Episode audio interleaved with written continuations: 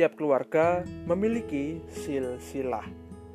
Silsilah itu menunjukkan hubungan keluarga antar generasi atau masih dalam generasi yang sama dengan masih memiliki relasi atau hubungan darah, namun cabangnya, silsilahnya sudah cukup jauh.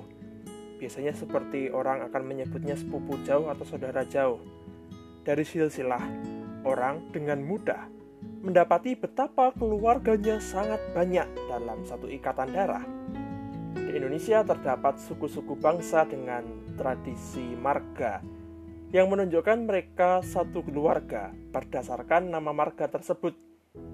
Keluarga menjadi penting, terutama ketika ada sejarah keluarga yang dapat diperhatikan oleh generasi yang muda sebagai bagian dari caranya untuk belajar atau mengidentifikasi identitasnya. Tradisi Yahudi sangat menghargai silsilah dan sudah menjadi bagian dari kebudayaan orang Timur Tengah mengidentifikasi seseorang berdasarkan keturunan dari seseorang. Matius 1 ayat 16 sampai 17 Yakub memperanakkan Yusuf suami Maria yang melahirkan Yesus yang disebut Kristus. Jadi seluruhnya ada 14 keturunan dari Abraham sampai Daud 14 keturunan dari Daud sampai pembuangan ke Babel dan 14 keturunan dari pembuangan ke Babel sampai Kristus. Kita perhatikan Injil Matius juga Injil Lukas menunjukkan silsilah Yesus Kristus Tuhan dan Juru Selamat. Cara Tuhan melibatkan dirinya di tengah manusia ialah hadir sebagai manusia.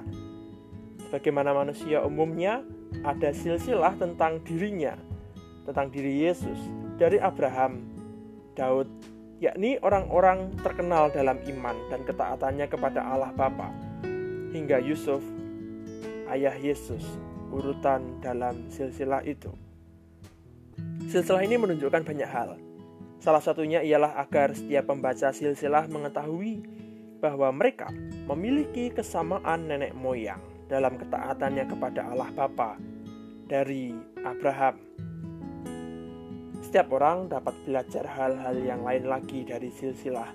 Namun dari satu hal ini, kita bisa mengetahui dan belajar, terutama hal-hal positif dan kebaikan dari nenek moyang kita. Kita belajar perjuangan orang-orang tua kita, kerja keras mereka, bahkan belajar dari kesalahan dan kegagalan mereka agar keturunan yang kemudian tidak mengulanginya. Ada maksud Tuhan menempatkan kita dalam suatu keluarga, agar kita dapat belajar berdasar pengalaman keluarga besar kita masing-masing dan menjadi pribadi yang baik bagi diri sendiri dan bagi orang di sekitar kita.